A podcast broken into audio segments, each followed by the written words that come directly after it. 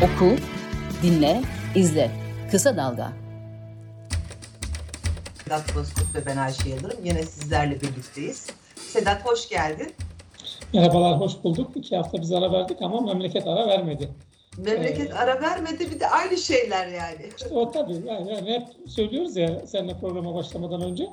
Aynı şeyleri konuşacağız. Gene aynı şeyleri konuşacağız. Yani iki ay ara verseydik gene aynı şeyleri konuşarak başlayacaktık. Şimdi biz e, en son zaten senle yine CHP'yi konuşmuştuk. Gene CHP'yi konuşacağız. Çünkü yani seçimler bitti. Ülke hakikaten yangın yeri. Uzun çok uzun süre enflasyon tek haneli bir enflasyondan bile söz edilemeyeceği en yetkili ağızlar tarafından dillendiriliyor. E, Akbelen'de e, orman kesilirken, köylüler direnirken, köylere tazikli su, job, biber gazıyla saldırılırken muhalefet hala kendi iç tartışmalarına boğulmuş. Üstelik bu iç tartışmalar e, bizim hep eleştirdiğimiz iktidarın davranış biçimleriyle çok örtüşen şeyler ortaya çıktı. Bu da tabii çok o zaten var olan umutsuzluğu daha da derinleştirdi. Bir de sanki hani insanlar insanların bu umutsuzluğa kapılmaya hakkı yokmuş gibi özellikle Kemal Bey'in tamam bir travma var ama bu çok büyük bir karamsarlık değil, umutsuzluk olmamalı demesi böyle daha fazla insanın hani sinirlerini zıplatan sözler ya da bilmiyorum ben öyle algılıyorum. Yani biz bu durumdayken CHP'nin bu CHP'de özellikle e, dökülmeye başlanan bu çirkinlikler hakikaten e, hem hayal kırıklığı hem de geleceğe yönelik çok büyük bir karamsar tablo çiziyor. Şuradan başlayalım. Yani çok konuşulacak yanı var CHP'nin ama Kemal Bey'in davranışlarından başlamak istiyorum. Yani e, hani e, ilk e, 14 Mayıs'a kadar çok iyi bir e, seyir götürdü e, seçim sürecinde. 14 Mayıs'tan sonra işte Ümit Özdağ'la protokolü, bu protokolün meğer gizlenmiş olması, Kemal Bey'in sadece bize değil e, masa ortaklarına da bu konuda e, yalan mı diyeyim, yanlış bilgi mi diyeyim, bilgi saklaması mı diyeyim, onun ortaya çıkması. Şimdi değişim, değişim hani nasıl bir değişim olmadı, değişim olmayacağı ortada ama bu isteklere karşı direnişi, e, CHP'de işte bagajı temiz olan birini bana getirin hemen bırakayım deyişi, tüm parti parti parti örgütünü zan altında bırakışı, e, yani işte CHP dışarıdan dizayn edilmeye çalışılıyor diye suçlayışı, e, Halk TV ile olan anlaşmanın iptal edilişinin ardından işte parayla yaza, yazan gazeteciler var diye suçlamada bulunması, ve isim gösterip Oda, Oda TV hedef göstermesi. Halk TV ve Oda TV meselesini yani basın ilişkisini belki ayrı konuşacağız ama Kemal Bey ne yapmak istiyor, nereye varmak istiyor? Bahçenin değişiyle soracağım sana. Ya seni dinlerken sağdan soldan sürekli yumruk yiyen bir boksör gibi hissettim kendimi. şimdi nakavt olmak için seni. Hepsi doğru. Yani şimdi senin cümlelerin üstüne o sorular e, içinde cevap da barındırıyor. E, ama biraz açalım, detaylandıralım. Evet. Hani ikimiz de sola bulaşmış insanlarız.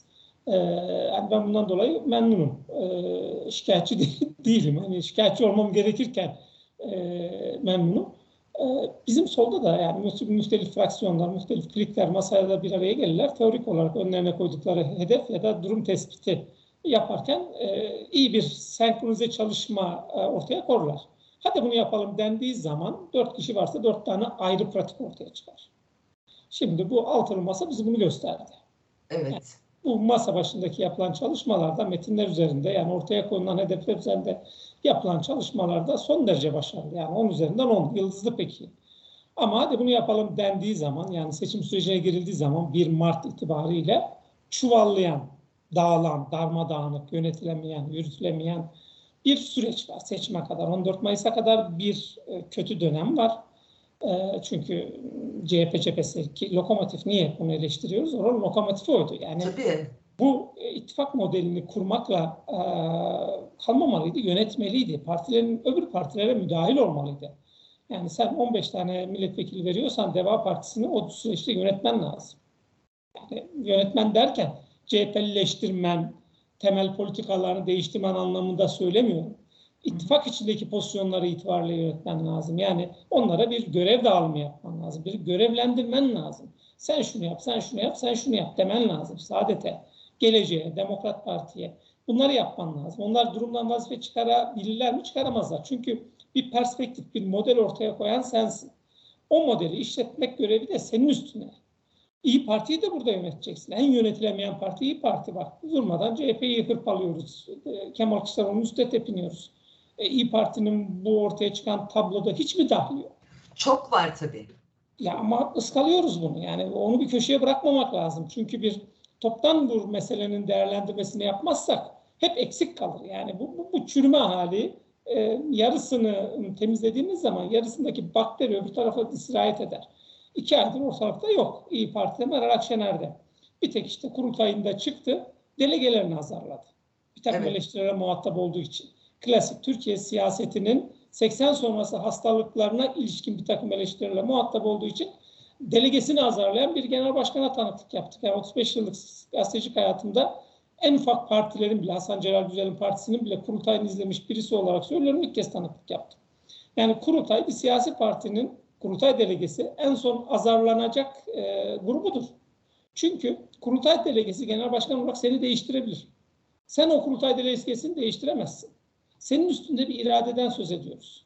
Yani bir İyi Parti'yi Meral Akşener'i tanımlamak için bu cümleleri kurdum. E şimdi İyi Parti'nin takındığı pozisyon şu. Sınıfın en çalışkan, en e, terbiyeli öğrencisi ama bir takım haksızlıklara muhatap olduğu için küsüp bir köşede suskun halde bekleyen öğrenci. Böyle bir tablo yok. Yani ortada bir başarısızlık varsa, bir yenilgi varsa herkes üstüne düşeni e, sırtlanmalı. Yani e, seçim öncesinde de her şeyi CHP'nin Kemal Kılıçdaroğlu'nun sırtına yükleyelim o taşısın. Seçim sonrasında da her şeyi CHP'nin Kemal Kılıçdaroğlu'nun sırtına yükleyelim o taşısın. Yani bu adil olmaz. Hı hı. En azından bu adil olmaz. Ama yani Kemal Bey bunu Kemal dediğin gibi Kemal Bey bunu engelliyor. Yani bunun tartışılmasını, diğer partilerin de bunda dahli olduğunu konuşmamızın öndeki en büyük engelde baktığımız zaman CHP, CHP yönetimi ve Kılıçdaroğlu. E şimdi İyi Parti Meral Akşener CHP'ye bir şeyler söylüyor. CHP kimseye bir şey söylemiyor. Kendi içine kapanmış vaziyette. Evet. Ve Kemal Kılıçdaroğlu ardarda arda hatalar yapıyor. Yani çok büyük yanlışlar yapıyor. Küçük değil, çok büyük yanlışlar yapıyor. Yani onun yanlış yapmasına neden olan da parti içindeki muhtelif dinamikler var. Hı hı. İşte değişim talebi, değişimle ortaya çıkan halen altını doldurmakta sıkıntı çeken belki Ekrem İmamoğlu figürü var. Ve e, bir de kitle oluşturmuş vaziyette. Bir güç artık, güç odağı CHP içinde. E buna karşı da Kemal Kılıçdaroğlu mevcut pozisyonu muhafaza edebilmek için e, bir hamle yapması gerekiyor. O hamlelerin tamamı da sıkıntı çıkarıyor ortaya işte. Şimdi burada bir temel şunu yani bir ne yapılması gerekir? Normali doğruyu üzerinden gitmemiz lazım. 14 Mayıs'ta bir Millet İttifakı yenildi. 28 Mayıs'ta Millet İttifakı'nın adayı Kemal Kılıçdaroğlu yenildi. ama burada işte tam bizim solculuk refleksiyle hareket etmek gerekirdi. Ne yapılması lazımdı? Burada kazanım olarak bakıp bu e, direnç noktasını, bu gelinen noktayı muhafaza etmek lazımdı. E, oradan bir e, siyaset üretmek lazımdı. E, direnç noktasını oraya taşıyıp orayı tahkim etmek lazımdı. Ama o yapılmadı. Bütün parti, iyi Parti kaçtı gitti. Öbürleri parlamentoda kendi dünyalarına döndüler. CHP'de kendi iç mücadelelerine e, kapandı. E, ama arkada bıraktıkları 25 milyon seçmen çok kıymetli. Bu 25 milyon oy gerçekten çok kıymetli. Tabii. Yani bu dönem olarak bakmayın. Bu 25 bin oyu muhafaza etseniz siz bir yıl, iki yıl hatta yerel seçim ve ondan sonra bir iki yıl sonra yaşanacak ne varsa hepsinde bu 25 milyon oyla siz ülkenin kaderini değiştirebilirsiniz. Yani ülkenin kaderini değiştirebilecek sayısal çoğunluktan söz ediyorum. Bu seçmen yani toptan muhalefet, kurumsal olarak muhalefetin önüne geçmiş vaziyette. Politik olarak da aktif olarak da yani sadece politik olarak söylemiyorum. Faaliyet olarak da işte e, şeyde görüyoruz ağaçlarına sahip çıkan köylüler, onların direncine ortak olmak için oraya gidenler, muhalefet arkasından geliyor. Yani toplumsal muhalefete önderlik etmesi gerekirken toplumsal muhalefetin arkasından gelen bir kurumsal muhalefetimiz var. Yani bu tespitte yol almamız lazım. Bu muhalefet tarafındaki siyasetin toptan iflasıdır. Yani üzerinde konuşacak hiçbir şey olmadığının da göstergesidir bu.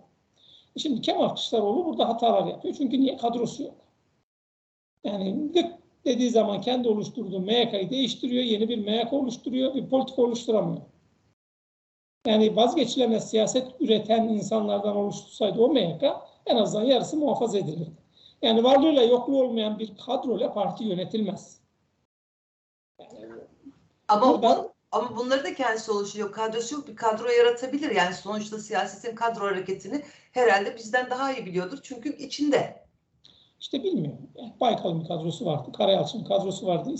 Erdal'ın kadrosu vardı. Herkesin bir kadrosu vardı. Demirel'in kadrosu vardı. Erbakan'ın, Türkeş'in ama Kemal Kılıçdaroğlu'nun kadrosu yok. 12-13 yılda bunu gördük. Yani 12-13 yıldır politik olarak yanında olan hiç kimse yok. Yani bir e, Bülent Kuşoğlu var. O çok eski arkadaşı. Ropers'ten beri arkadaşı. Onun dışında yanında duran e, yani 4-5 yıl geçmiş herhangi bir hatta şu anda resmi olarak söylüyorum 4-5 yıl geçmiş olan bir isim bile yok yani. Yani Kemal Kılıçdaroğlu'nun en büyük temel sıkıntısı kadro oluşturamaması zaten. Yani milletvekili listelerinde gördük. Ondan sonra listelerin yanlış olduğunu kendisi de söylüyor. Ama onu bile söyleyişi o bile çok işte vahim değil mi yani? Bu bir, liderlik, bu bir liderlik değil.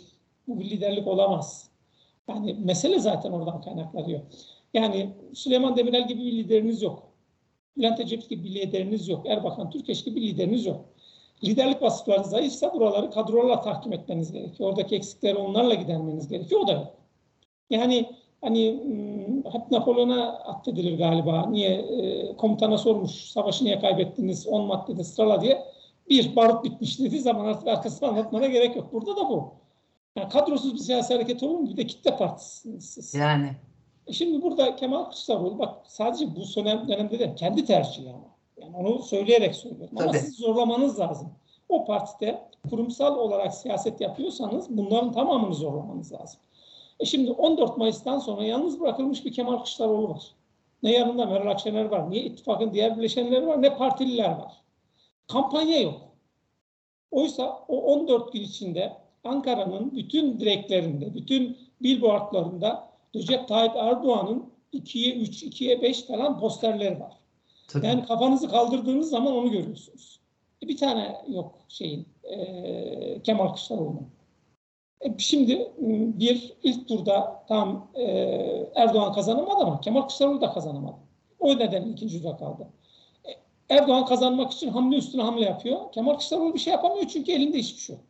Kampanya yapamıyor, ittifak ortaklarıyla meydanlara çıkamıyor, hiçbir şey yapamıyor. Yalnız bırakılmış bir Kemal Kılıçdaroğlu figür var karşınızda ve karşı tarafta cebinde yüzde iki buçuk oy, olduğunu varsaydığınız ya da yüzde iki buçuğa hitap edebilecek bir politik söylemi, politik etkisi bulunan bir Ümit Özdağ var. Ve onunla o iki buçuğu alabilmek için masaya oturuyorsunuz. Yani o psikolojiyle, bu yalnızlık psikolojisiyle o masaya oturduğunuz zaman sen, ben, CHP Genel Başkanlığını bile verebilirdik Ümit Özdağ'a. Aman Allah'ım. Sen ne diyorsun? Yani ben, ben bir ruh halinden söz ediyorum. Abartarak söylüyorum. Ben, ben bir, bir seçmen olarak mesela kendimi çok aldatılmış ve kandırılmış hissettim. Yani Ümit Özdağ bir İçişleri Bakanlığı sözünün verilmesi, MİT müsteşarlığının emanet edileceği bir sözünün verilmiş olması beni beni be- ben seçmen olarak kendimi kandırılmış hissettim. Yani öyle bir şey açıklansaydı bir seçmen olarak belki gidip Kemal Bey'e oy vermeyecekti insanlar. Öyle değil mi yani sonuçta Yok, hani kesinlikle, kesinlikle doğru. Kesinlikle ama bu noktaya niye geldik? Ha, ben bana kalsa da e, işte becerebilirsem bu hafta Kristal Köşesi'nden yazacağım. ÖDP'nin partileşme sürecinde çok güzel bir bizim Melih abinin, Melih Bekdemir'in e, bir metaforu var. Partileşmeye karşı çıkıyor. Tabii e, klasik e, katı devrimci. 90 90'dan söz ediyorum. 90-91 arası falan. E, yani partileşmeye karşı çıkarken legaliteyi falan da savunmuyor. E, şeyi şu, çıkış noktası şu. E, sistemin kervanının develeri olmaktansa, düzenin e, kervanının develeri olmaktansa, düzenin kervanının develerini ürküten pireleri olmalıyız diyor. Yani bizim solcuların çok hoşuna gidecek, hepsini acite edebilecek bir cümle. Siyaseti ya böyle yaparsınız ya da sonuç almak üzere siyaset yaparsınız. Çünkü karşınızda sonuç almak üzere siyaset yapan biri var. İşte montaj şu bu falan diye her şeyi devletin bütün olanaklarında kullanan birisi. Kaldı ki Ümit Özdağ'a kızıyoruz. Adam Hulki Cevizoğlu'nu koydu listeye ve kendisini 15 gün önce bağıran çağıran her türlü hakaret eden Sinan Oğan'ı fotoğraf karesinin içine yerleştirdi. tabii. Karşınızda böyle siyaset yapan birisi var. Şimdi bu siyaseti ya bu siyasetle mücadele edeceksiniz kazanmak için ya da siyasetteki kaybetme tüm hayata ya da tüm değerlere uygun bir kaybetme değildir. Bazen siyaseten kaybedersiniz ama e, insanlık olarak değerler açısından kazanırsınız. Ya da bunu tercih edeceksiniz. Şimdi burada iki arada bir derede kalan bir muhalefetimiz var. Yani Ümit Özdağ'ın şey verilmesi bir Ahmet Davutoğlu kişisel nedenlerle e, çok sert tepki gösteriyor. Onu koydum bir köşeye. İyi Parti'nin niye itiraz ettiğini ben anlamıyorum arkadaş. Siz buna, bu insanla beraber parti kurdunuz. Tabii O partiyi kurduğunuz zaman da bu fikirlerine sahipti. MHP'de MHP Genel Başkan adayıydı seninle birlikte. Meral Akşener'le, e, Koray Aydın'la beraber. Şimdi İyi Parti'nin Ümit Özdağ bakanlık sözü verilmesine itiraz etmesinin kişisel kıskançlıktan başka bir neden olabilir mi? Biz başka bir politika üstü bir şey tartışıyoruz. Kesinlikle. E şimdi bunların hepsine muhatap olan bir Kemal Kılıçdaroğlu var ve bu kadar taarruz altında kalan bir Kemal Kılıçdaroğlu'ndan biz sağlıklı işler yapmasını bek- bekliyoruz ve Türkiye ortamında, Türkiye siyasetinde falan. Hani Kemal Kılıçdaroğlu'nu savunmak için de söylemiyorum bunları. Baştan söyledim. Tamamen e, sorumlu o. Tamamen. Ama bunun da bir e, şeyini yapmak lazım. Detaylandırmak lazım. Tek başına Kemal Kılıçdaroğlu'nu sırtına yüklediğiniz zaman Aa, Kemal Kılıçdaroğlu'nu değiştirelim her şey güzel olacak. Böyle bir dünya da yok. Yani o işi oraya da götürmemek lazım. Çünkü tablo şu. Araba devrildi. Devrilmiş arabayı bir düzeltmek, bir hasar tespiti yapmak gerekirken şimdi parti için mücadele eden insanların tamamı şoförü değiştirelim diyorlar. Evet. Dev- Devrilmiş arabayla şoförünü değiştirdiğiniz zaman bir yere gidemezsiniz. Ve memleket bir şoförle e, yol alınacak bir memleket değil. Yani memleketin meseleleri. E, bu, bu, bu, bu konjonktürde biz bir CHP tahlili yapıyoruz. Yani mevcut tablo üzerinden bir CHP değerlendirmesi yapıyoruz. Ve bu değer, CHP değerlendirmesi yaparken tam e, meseleleri e, anlamlandırmışken Kemal Kılıçdaroğlu bir kötü hamle daha yapıyor. Daha öncekilerden Maalesef. daha kötü bir hamle yapıyor. Bütün bu anlamlandırdığımız meseleler değerini yitiriyor. Böyle bir Kesinlikle. sürece girdik. Muhtemelen bu uzun sürecek. Yani bu yerel seçimlerde de ben e, muhalefetin çok ağır bir tabloyla karşı karşıya kalacağını bugünden görüyorum yani çok net görüyorum. Kesinlikle. Peki burada e, e, İmamoğlu'nun e, tavrını da konuşmamız lazım. İşte Türkiye için değişim de, yanılmıyorsam sitesinin adı. E, iktidar için değişim pardon. E, ve işte e, şeyi açıkladı. E, Kaç ay olmuştu onu da hatırlamıyorum siteyi açalı ama işte 1 milyon kişi ziyaret etmiş. 100 binden fazla insan görüş bildirmiş. E, toplum e, CHP'de lider ve yönetim değişikliği istiyormuş. Hani gene o değişimin nasıl olacağını bilmiyoruz ama hiç süslü laflarla işte viz, vizyon, yeni vizyon, gençlere kucak açmak falan filan diye bir şeyler söylüyor. Şimdi bunu şey olarak hmm, hani biz de biliyoruz ki İmamoğlu aslında e, liderliği istiyor ama e, top belediye başkanları toplantısına çıkıp hani de- değişim olmazsa kaybederiz diyor. O cephede ne oluyor? Yani Zoom toplantısı yapıyor, e, değişim diye eski CHP'lileri yanına toplamış. Mevcut CHP yönetimini yanına toplamış diyeceğim. Yani nasıl bir değişimden e, kastettiğinde henüz hakikaten hiç anlayamadık. Eskiyle yeni değişim sadece lider değişimi. O cephede ne oluyor? Yani İmamoğlu e, liderliğe aday olursa zaten belediyelerin durumunu söyledin. E, hepten kaybedilmiş bir şey. E, İmamoğlu'nun Kılıçdaroğlu çekişmesi mi partiye damga vuracak? Kurultay süreci de devam ediyor. Tabii delegelerin nasıl seçildiğini çok iyi biliyoruz. Oradaki kavgaların nasıl yürütüldüğünü de biliyoruz. O cephe ne yapacak İmamoğlu cephesi? Ya şunu bir açıklayarak, açıklama mecburiyeti duyarak yol alalım. Hı hı. Yani Ekrem İmamoğlu'nu eleştirdiğimiz zaman hemen bizi otomatikman Kılıçdaroğlu diye etiketliyorlar. Hayır. Biraz önce Kılıçdaroğlu'nu da e- eleştirdik. Yani burada Erdoğan'ı eleştirmek e, normal, Bahçeli'yi eleştirmek normal. Ekrem İmamoğlu'nu eleştirdiğin zaman hemen Kılıçdaroğlu'cu oluyoruz falan. E, bir şeyci olmayı isterdim ben. Ama bir şeyci olma gibi bir tercihte bulunacak olsaydım hiç bunlardan olmazdım. Yani reisçi olurdum. İhya olurdum. ya bu kadar kafam çalışıyor. Yani uzun yıllar izlediğim siyasi harekettir. Oralarda da çok ciddi de kabul görürüm yani. O yüzden cici olma halini bir köşeye bırakıyorum. Yani yani buradaki eleştirilerimizi duydukları zaman ya da öğrendikleri zaman hemen bir bizi etiketlemesinler, yaftalamasınlar diye söylüyorum. Şimdi e, e, başından beri Ekrem İmamoğlu'nun en yaptığı en büyük hata bana göre, Sedat Bozkurt cümlesi kuruyorum, e, PR yapıyor, siyaset yapmıyor. Kesinlikle. Bunun altını çizelim. Ee, niye söylüyorum bunu? Belediye başkanı seçildiği günden beri belediye başkanlığı yapmıyor zaten. Meydan meydan dolaşıp kendine bir politik kimlik, ileriye dönük Evet. bir politik kimlik üretmeye çalışıyor, inşa etmeye çalışıyor. Ee, şimdi bu söylediğim e, internet sitesi. E, 100 bin kişi katılmış falan. Böyle bir siyaset yapma tarzı olmaz. Yani değiş, de- ben değişim istiyorum ama neyi değiştireceğimi insanlar bana söylesin. söylediler. 100 bin kişinin ortak noktasını sen ortaya koyuyorsun. E geriye kaldı 25 milyon Kemal Kılıçdaroğlu'na oy vereni söylüyorum. 25 milyon, 24 milyon 900 bin insan. E şimdi onları nasıl ulaşacaksın? Onları da tek tek dinlemek zorundasın sen o 25 milyonu muhafaza edeceksen. Böyle bir siyaset yapma şeyi olmaz, biçim olmaz. Dilerseniz ortaya bir projeyle çıkarsınız, politik bir söylemle, politik bir hatla çıkarsınız. Bunun için insanları, kitleleri ikna edersiniz. İkna ettiğiniz kitleleri de peşinize takarsınız, siyasetinizi yaparsınız, o güçle yaparsınız.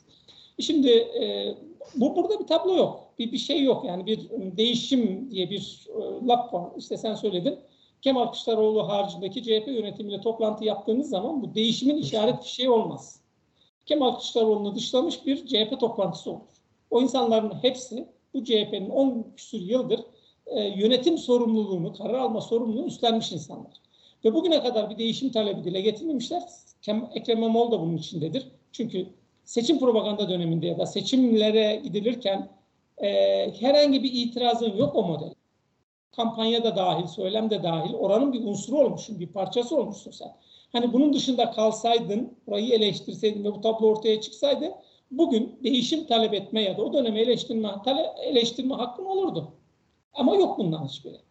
Yani şimdi e, AK Parti'den ayrılıp parti kuran Ali Babacan'la Ahmet Davutoğlu'nun e, siyaseti niye ilerlemiyor?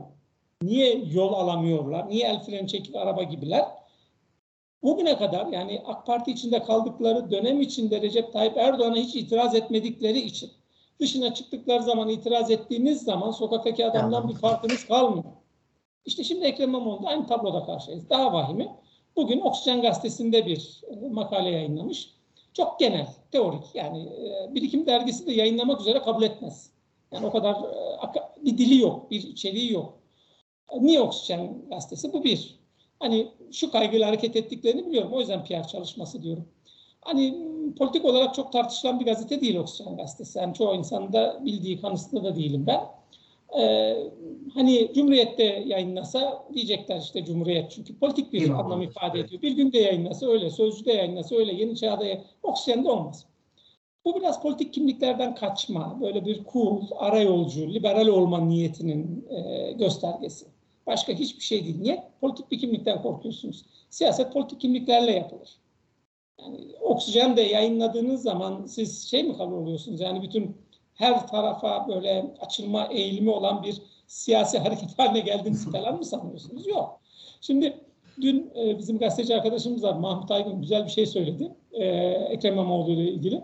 Hani sen söyledin ya biraz önce ne, ne istediğini bilmiyoruz. Örneğin genel başkan olarak çıkarsın ortaya, örgütlenirsin, kurultaya gelirsin, yarışırsın. Delegeleri ikna edersen genel başkan olursun, yönetimini oluşturursun, söylediğin değişimi yapar gidersin. Ee, genel başkan olmak istemiyor. Ee, Mahmut Aydın CEO olmak istiyor diyor. Yani genel başkan dağıtacak, genel başkan dağıtacak, yönetim kurulu üyelerini dağıtacak, muhasebeyi dağıtacak. E, böyle bir siyaset yok ama. Yani böyle bir siyaset yok.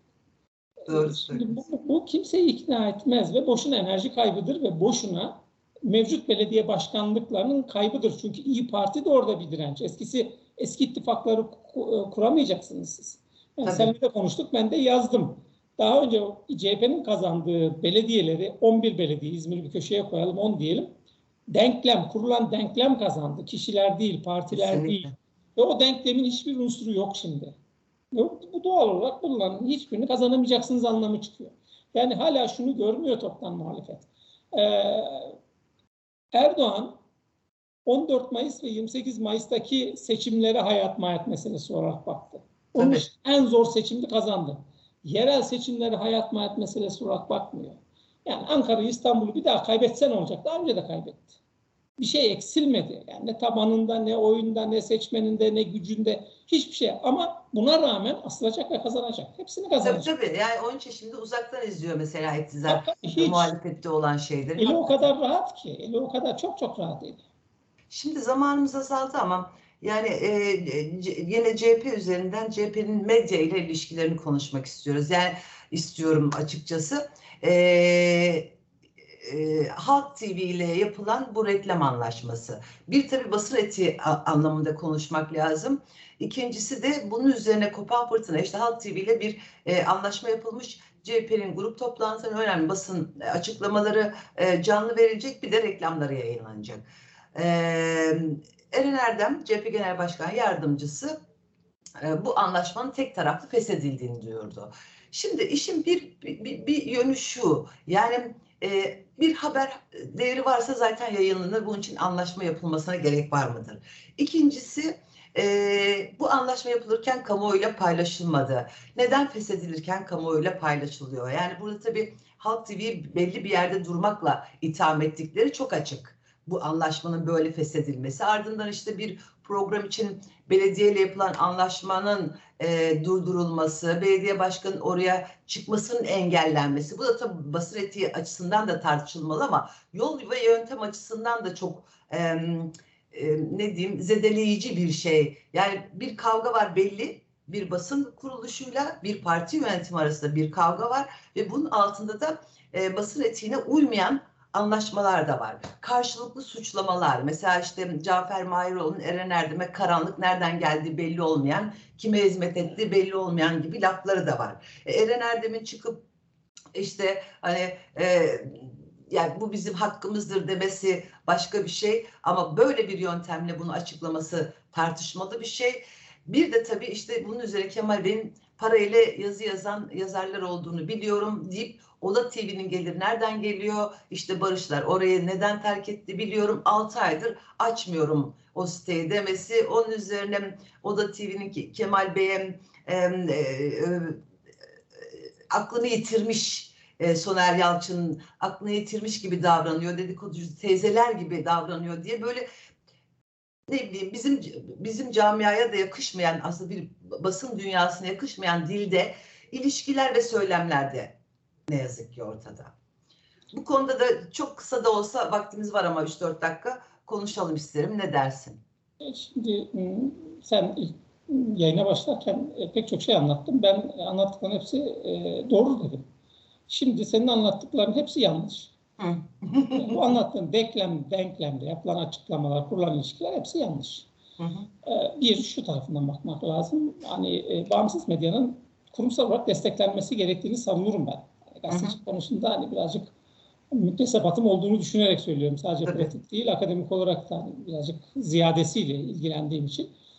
Ee, çünkü Türkiye'de Erdoğan eliyle tekelleşmiş bir, daha önce de tekelleşmiş bir medya söz konusuydu. Yani e, gruplar ayrı olsa bile yani bir grubun sahibinin Dinç Bilgin, bir grubun sahibinin Aydın Doğan, bir, bir grubun sahibinin Kara Mehmet olması oradaki tekelleşmenin olmadığını göstermiyordu. Yani bir tekelleşme e, ana başlıktı. Tabii ki. Patronlar da farklıydı. Yani refleksleri, eğilimleri, niyetleri aynıydı. Yani aynı niyetle e, iş gören medya kuruluşlarıydı bunlar. E şimdi bizzat iktidarın mülkiyetinde olan bir şeyden söz ediyoruz artık. E, yandaşlığı falan ya da bu ekonomik e, sermaye niyetlerini aşan bir e, medya tekelleşmesinden söz ediyoruz. E şimdi bunun karşısında da bağımsız medyalara e, üstünde de yoğun bir baskı var. Sadece Özal döneminde kurulan o neoliberal politikalarla e, iki buçuk gazeteyi üretme değil, iki buçuk gazeteyi bile ortadan kaldıran bir baskıdan söz ediyoruz. Ekonomik baskı, devlet baskısı hepsi var üstünde. İşte 80'lerin sonuna doğru e, Özal'ın baskısı vardı. 90'larda devletin özellikle sosyalist Kürt medya üzerinde çok yoğun bir e, katı baskısı vardı. E şimdi gördüğümüz zaman da bir kendisini eklerin karşısına konumlandırmış bütün medyaya, rütük aracılığıyla, basından kurma aracılığıyla, vergi daireleri, yargı aracılığıyla Merdan Yanar da içeride şu anda söylediği cümlelerden dolayı. Tabii. Yani bu baskının yoğunluğunu anlatmak için söylüyorum. Bu bağımsız medya sadece izleyicisine, okuyucusuna dayanarak var olamıyor. Ee, bir takım desteklerin devreye girmesi gerekiyor. Kaldı ki yani siyaset yapıyorsunuz siz, yaptığınız siyasetin geniş kitlelere duyurulmasını sağlamanız lazım ve e, karşı tarafta bloke edilmiş ve gazetecilik yapılma imkanları elinden alınmış, bürokratik bir yapı haline getirmiş medya kurumlarıyla o insanlara ulaşma ihtimaliniz sıfır. E, onun yerine siz bağımsız medyayı ilkelerinden taviz vermeden, değerlerinden taviz vermeden desteklemeniz lazım. E, bunu yaptınız mı? Yapmadınız. Burada bunu aslında haftaya uzun konuşalım. Evet iyi olur. Zamanımız var Tabii. çünkü. E, şöyle söyleyeyim sadece yani Kemal Kılıçdaroğlu'nun eleştirilerinden iki tane büyük yanlış çıktı. Bir, sözcü televizyon ve gazete olarak niye bunun üstüne alındı? Hı hı. Direkt onu hedef almadı. Niye üstüne evet. alındı? Çünkü Sözcü gazetesinde de Sözcü televizyonunda şunu gördük. 14 Mayıs'a 28 Mayıs'a kadar Kemal Kılıçdaroğlu'nu destekleyen açıklamalar var aynı isimlerle. O tarihten sonra eleştiren açıklamalar var. Şimdi bu gazetecilik mantığına, aklına, değerlerine, etiğine falan sığmaz. Yani değiştiriyorsan görüşünü altını da doldurman lazım. Çünkü senin okuyucuların, izleyicilerin var. Onları da ikna etmen lazım. Yani ben hep söylüyorum bu ekranlar, bu köşeler babamızın malı değil. Okuyucuların, izleyicilerin. Onları ikna etmek zorundayız. Yani baba işte kişisel menfaatler var. insanlar var işte. Sözcü gazetesi kurumsal olarak kimseden para almadım, hiç belediyenin kapısını çalmadım diyor ama yazarları için bu cümleyi kullanabiliyor mu? ya kullanamıyor. Kullan, kullanabiliyorsan çünkü seni temsil etmesi için sen gazetenin ya da televizyonun adını o insana emanet ediyorsun.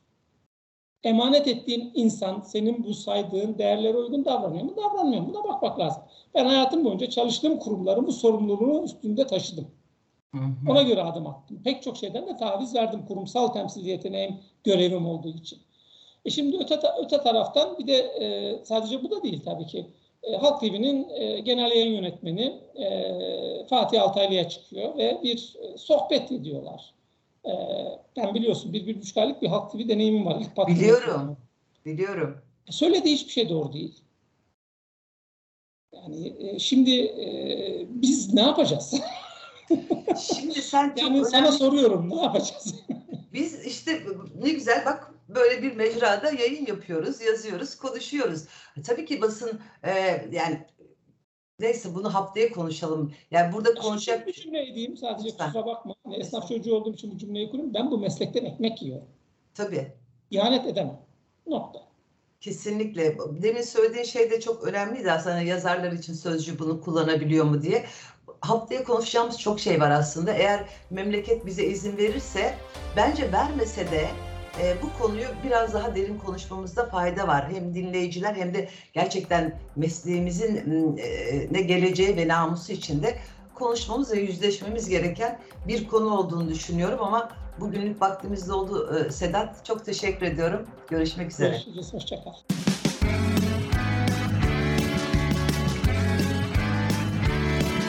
Kulağınız bizde olsun. Kısa Dalga Podcast.